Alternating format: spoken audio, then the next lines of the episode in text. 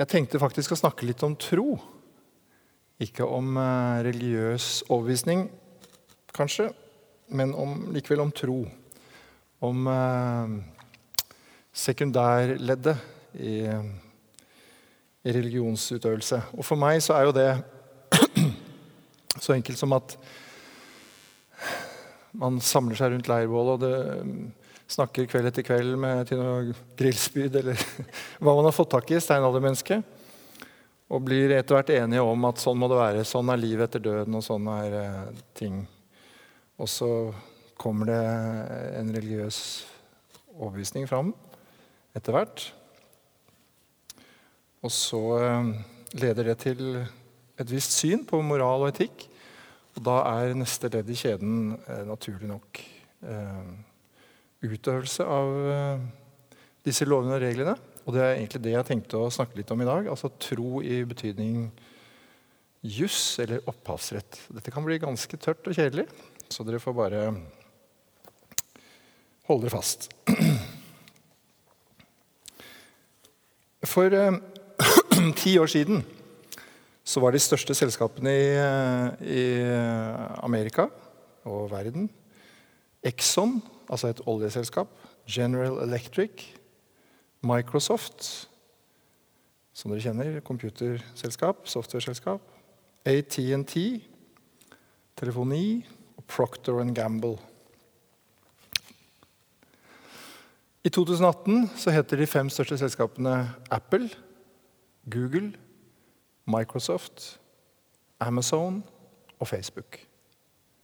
Det er altså de største økonomiske kreftene vi har tuslende rundt på arenaen i verden. Jeg leste nettopp i avisen nå at Apple er verdt 1 billiard US dollar, eller en trillion US dollar, som det heter på uh, amerikansk. Det er så store pengesummer at de fleste blir svimle, og jeg ble det også når jeg hørte det. Så jeg tok eh, tak i sønnen min og så sa jeg, la oss prøve å regne ut hva dette er i tid. For det er litt enklere å, å forestille seg. Så hvis dere er med på et uh, tankeeksperiment, og én million norske kroner tilsvarer én dag i tid En million har vi litt sånn fornemmelsen av hva er. Noen tjener det til og med. Men de fleste av oss har huslån, så vi vet omtrent hva en million er. Hvis én million norske kroner er én dag, hvor lenge tror du da én trillion US dollar er? Det er ikke så lett å ta det i hodet, kanskje. Det er 23 000 år. Det er forskjellen på 1 million kroner og det Apple i dag er verdt. Google er verdt ca. tre fjerdedeler av dette. Og det tilsvarer og nå tok jeg dette bare for å få matematikken til å gå opp, det tilsvarer altså da bruttonasjonalprodukt for Guatemala, El Salvador, Costa Rica, Honduras, Nicaragua, Peru, Belize, Ecuador, Paraguay, Bolivia, Guyana og Chile til sammen. Det er ca. 150 millioner mennesker. Det er eh, pengemakt. Når Trump sier at det er handelsunderskudd med Europa, så er det helt riktig. Helt til du tar inn inntektene fra disse selskapene, som eh, vi ofte kaller the frightful five. Inntektene deres syns nemlig ikke, fordi eh, det tilsynelatende ikke er noe inntekter. Men tar du med omsetningen fra disse selskapene, så er det et gigantisk handelsunderskudd mellom Europa og USA. Trump er tatt i løgn. Hvordan får de til det? Har dere hørt uttrykket 'double Irish with a Dutch sandwich'? Har dere hørt om det? Det man gjør da, er at man eh, bruker et skatteunndragelsesteknikk som store selskaper ofte bruker. Da involverer du bruken av kombinasjoner av irske og, hollandske subsidiære selskaper for å skifte profitter til høye til lave eller ingen skattejurisdiksjoner.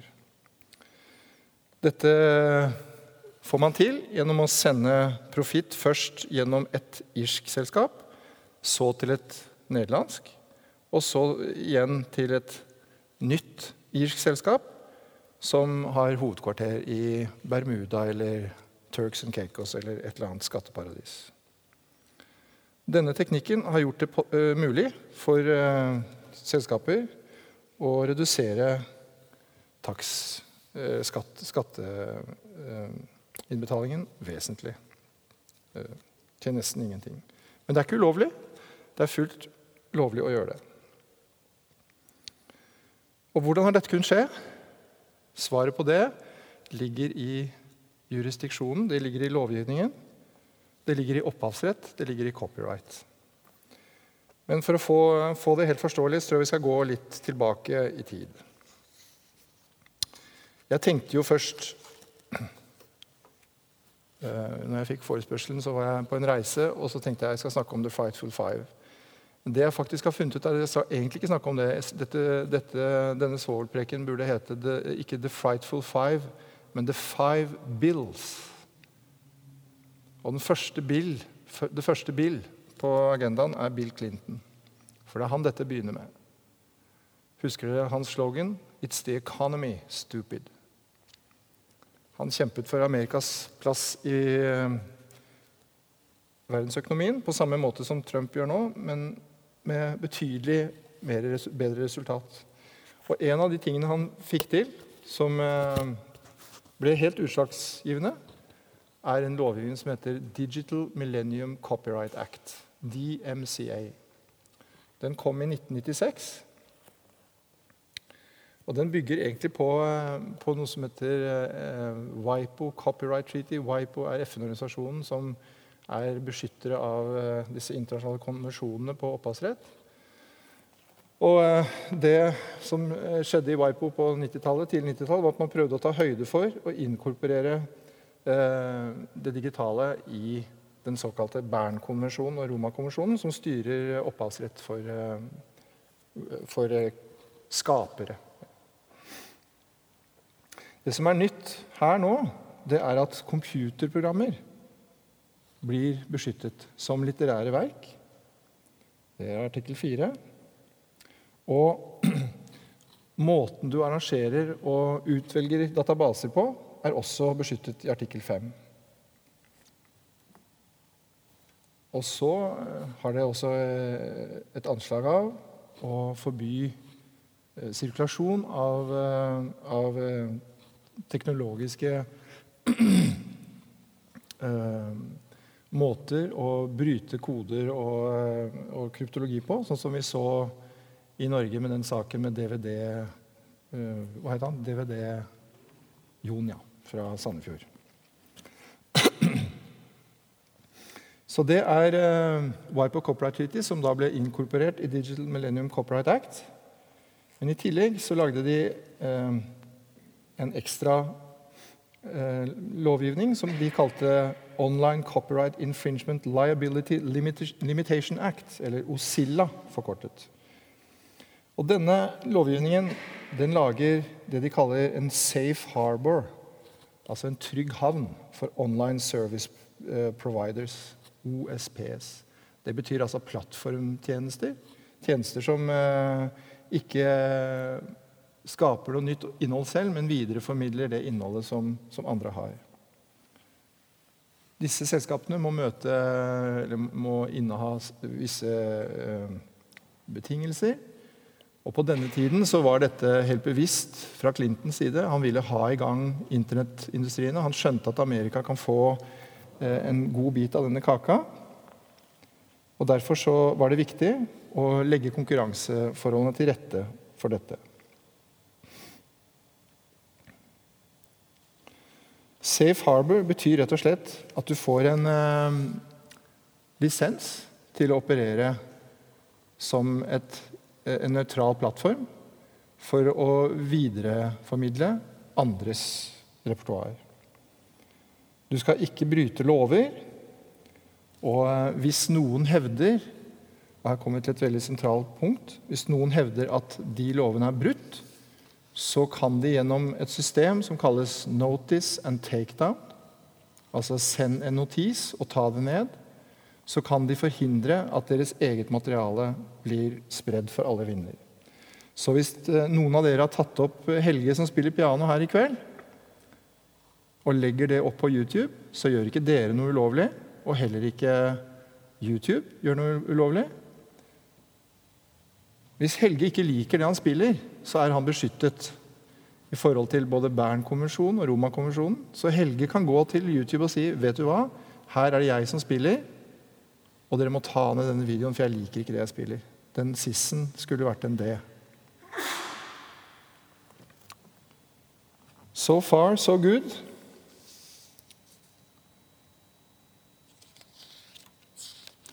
Skal vi se Og så kommer denne lovgivningen. Og da kommer vi til bill nummer to. Han heter William Patry. Og eh, Bill nummer tre blir det. Digital Millennium Copyright Act var bill nummer to. Bill nummer tre er William Patry. Eh, William Patry, eller Bill Patry, er faktisk en person som jeg kjenner, som jeg har jobbet med i FN-sammenheng.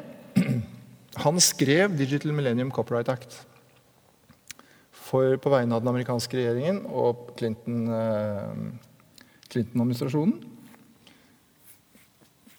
to år etter at han hadde skrevet ferdig og levert, og den var gått gjennom senat og kongress, og Clinton hadde skrevet under, så fikk han en ny jobb.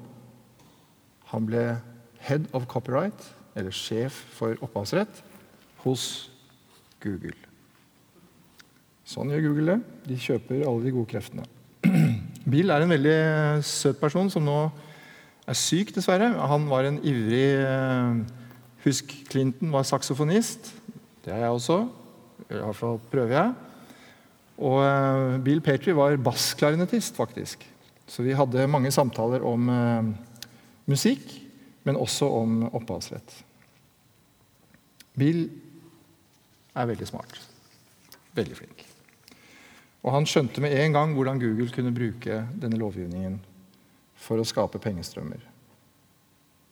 Han er også professor i, i lov, eller juss, og har vært privatpraktiserende i de fleste gode og renommerte, mange gode og renommerte selskaper i USA. Han har også skrevet en del akademiske verker om, om nettopp dette området.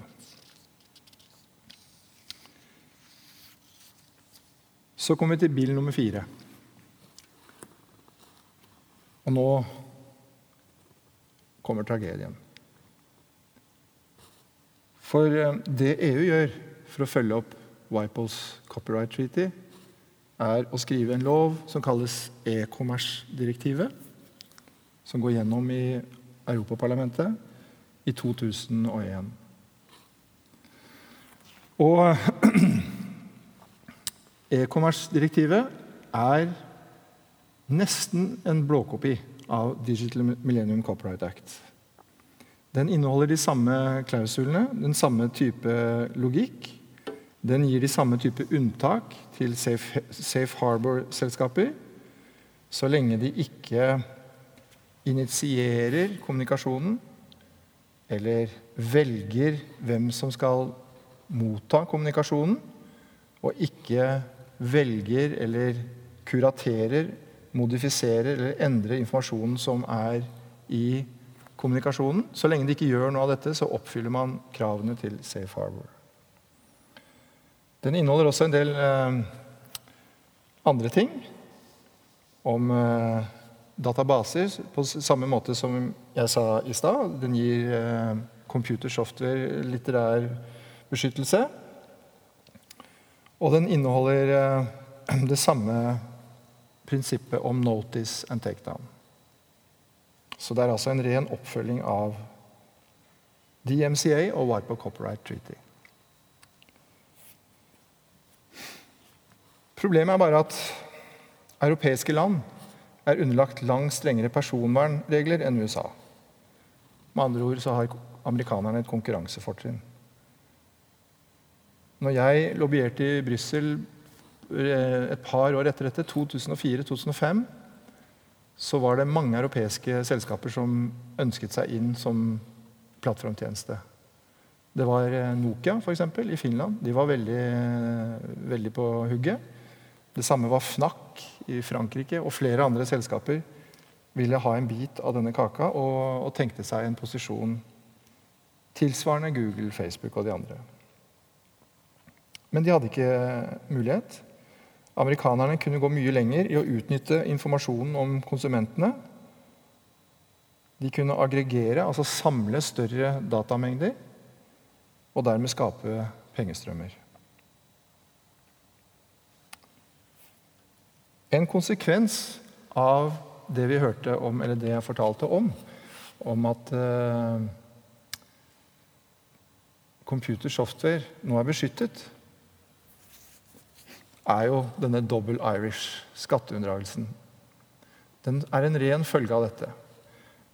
Og det er fordi plattformselskapene de er jo nå selv beskyttet av opphavsrett, og det er denne de benytter seg av i skattesammenhengen. Det er lisensene til bruk av deres teknologi, algoritmer, eller eh, patenter eller andre typer rettigheter som de legger i moderselskapet, som det faktureres for mellom ett selskap og et annet.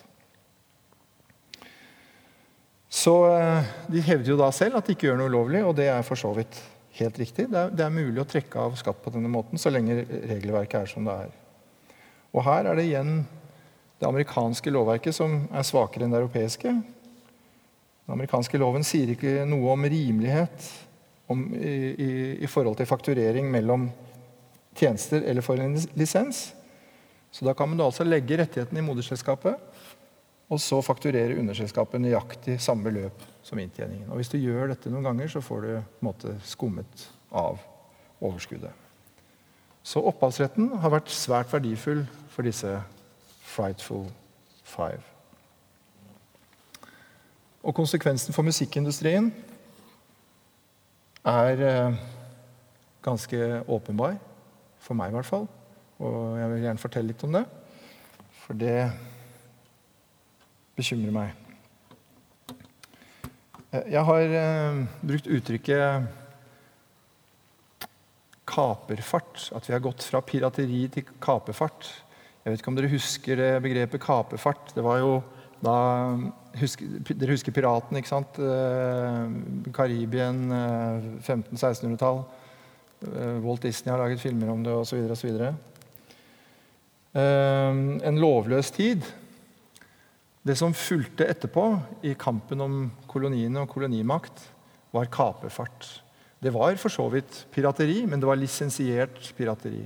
Dronning Elisabeth for eksempel, i England ga lisenser til spesielle skip. De kunne få lov til å eh, drive pirateri så lenge de betalte kommisjon eller betalte en viss sum til moderlandet eller moderselskapet. Så det er altså kaperfart. Og det er litt det bildet jeg bruker på hvor musikkindustrien er i dag. Vi har eh, gått fra pirateri til kaperfart. Altså lovbestemt pirateri. Facebooks nyhetsstrøm den har dere sikkert sett en sånn newscroll som ruller ned når du åpner Facebook. Den inneholder i snitt rundt 60% linker til opphavsrettsbeskyttet materiale. Facebook, Facebook betaler ingenting for dette. Men de har inntekter på høyde med Mellom-Amerika på reklamen sin. Facebook har aldri sendt noe signal om å dele penger med kunstnere eller med avis, eh, aviser eller skribenter som, som, blir kopiert. Hver gang du åpner PC-en din eller Mac-en din, er Facebook inne titusener av ganger i sekundet for å spore hva du gjør. Og du trenger slett ikke være medlem av Facebook for å oppleve det. Det holder at du besøker en site eller en webside som har en liten sånn F-logo nederst på siden. Det er alle aviser og de fleste tjenester vi bruker. Veksten i brukergenererte plattformer sånn som YouTube og Facebook, Soundcloud, Soundcloud og andre har vært eksplosiv og har vist seg nærmest uhåndterlig. Når det gjelder Notice and Takedown, som jeg, som jeg var inne på tidligere, så melder f.eks. Universal Music Group at det på deres repertoar er ca. 100 000 overtredelser daglig. Det blir ca. 37 millioner i året. Og så Hvis du ganger det med fire, da har du musikkindustrien totalt. Og Så legger du til det dobbelte for filmindustrien og legger litt på TV og porno. Og sånt. Og da nærmer vi oss en milliard krav i året fra opphavsrettsindustrien mot Google eller YouTube. Det er altså på YouTube alene. Plateselskaper, Små plateselskaper som jeg snakker med, sier til meg at dette er Sysifos-arbeid. De kommer, de, straks en, en, en, eh, en ulovlig eh, registrering er oppe, så er tatt ned, så er de, så er det, så er de opp igjen i, i, samme takt. Det er helt umulig å, å få dette til, så det funker ikke. I tillegg så er det jo sånn Jeg vet ikke om dere har forsøkt det, men hvis dere går på YouTube og sier at dere er rettighetshaver, du kan klikke der, så åpner det seg en svær portal hvor du må gå inn og legge inn all informasjonen om verket. Så hvis Helge ikke likte det han spilte i dag, så må han gå inn der og så må han si det er faktisk jeg som spiller piano her, og dette er stykket vi spilte, og jeg liker ikke at den ligger ute. Han må med andre ord gi opp masse informasjon om verket og masse informasjon om hvem som har vært med å spille verket. Det betyr at Google har størst oversikt av alle aktører over hva som foregår, og hva som finnes i alle territorier. Og det er brukergenerert. Det er genialt. Og den databasen de har bygget opp, den er beskyttet. Så hvis de ville, kunne de i morgen gå og ta over Tono, Gramo, alle disse selskapene, for de har mye mye mer konsis informasjon om hva som finnes. Så Safe Harbor fungerer ikke lenger. Notice and takedown er ikke tilstrekkelig. Fordi plattformtjenestene kan få tilgang til beskyttet materiale uten å betale for det, er de selvfølgelig også uinteressert i å betale markedspris. De har en fantastisk forhandlingssituasjon og betaler derfor ikke eller langt under det som man skulle anta at man kunne få. YouTube da, er jo i tillegg et datterselskap av Google eller Alphabet. og Dermed har de også til hensikt å fòre moderselskapet med informasjon om kundene som kan utnyttes av pengemaskinen. Google Ads. Det er det de tjener penger på. Det betyr at YouTube ikke trenger å gå med overskudd. Og der er, Da er det heller ikke noe særlig penger å hente for rettighetshavere. Og YouTube kan også dermed ha en lavere annonseringsintensitet enn alle konkurrentene, og gi derfor en mye bedre brukeropplevelse. Og jeg må innrømme at jeg bruker YouTube masse. Det er den beste strømmetjenesten der ute akkurat nå. Men eh, de skulle betalt bedre enn de gjør. Plattformtjenestene vanskeliggjør selvfølgelig også konkurransevilkårene for de som forsøker å betale markedspris, sånn som Spotify eller Tidal osv. Disse selskapene tjener ikke penger i dag, men fungerer som en slags avlat for de av oss konsumenter som har litt dårlig samvittighet for at vi ikke betaler for forbruk av åndsverk. Og her kommer svovelet. Pengene renner ut av musikantenes lommer fra Accra i Ghana til eh, Hanoi i Vietnam til eh, Bærum i Norge. Og de havner i noen få aksjonærers lomme i California, i Silicon Valley. Og som dere har hørt, så er det ikke småpenger dette dreier seg om. Så lenge disse kaperne får drive sånn, får vi ikke noe bærekraftig musikkindustri som kan utvikles lokalt. Og musikk som samfunnskraft svekkes.